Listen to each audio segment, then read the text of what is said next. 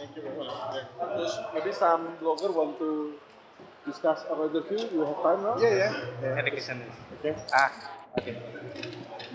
Uh, this is the first time the rider uh, race in Semarang, yes? Yes. Uh, this is first time I race in Semarang.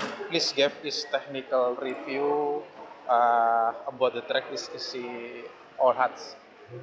Yeah, the track is very good. Uh, this wide track, you know, the Yes. facility is nice. The, the layout of the track is really, very nice.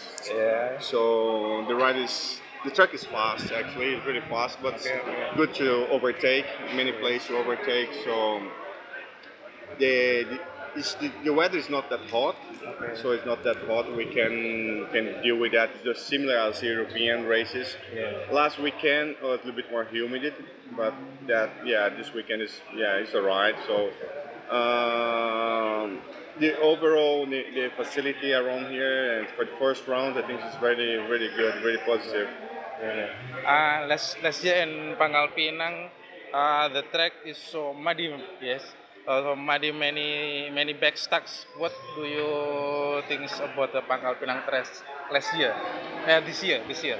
No, this year is good improvement good, than last yeah. year. Yeah, because last year was the first round there. I think they have to learn a, lo- little Okay. bit more. But from this year, actually, it was good. The weather has helped a lot because it never rained on Sunday. Uh, the preparation of the the tracking, also the, the pit lanes area, the washing area, also the paddock was better than last year. So Yes. I think it, the, the organizer make a step up on for that. I think for next year will be even better. Uh, how different Semarang Mijen track uh, compare with Pangkal Pinang?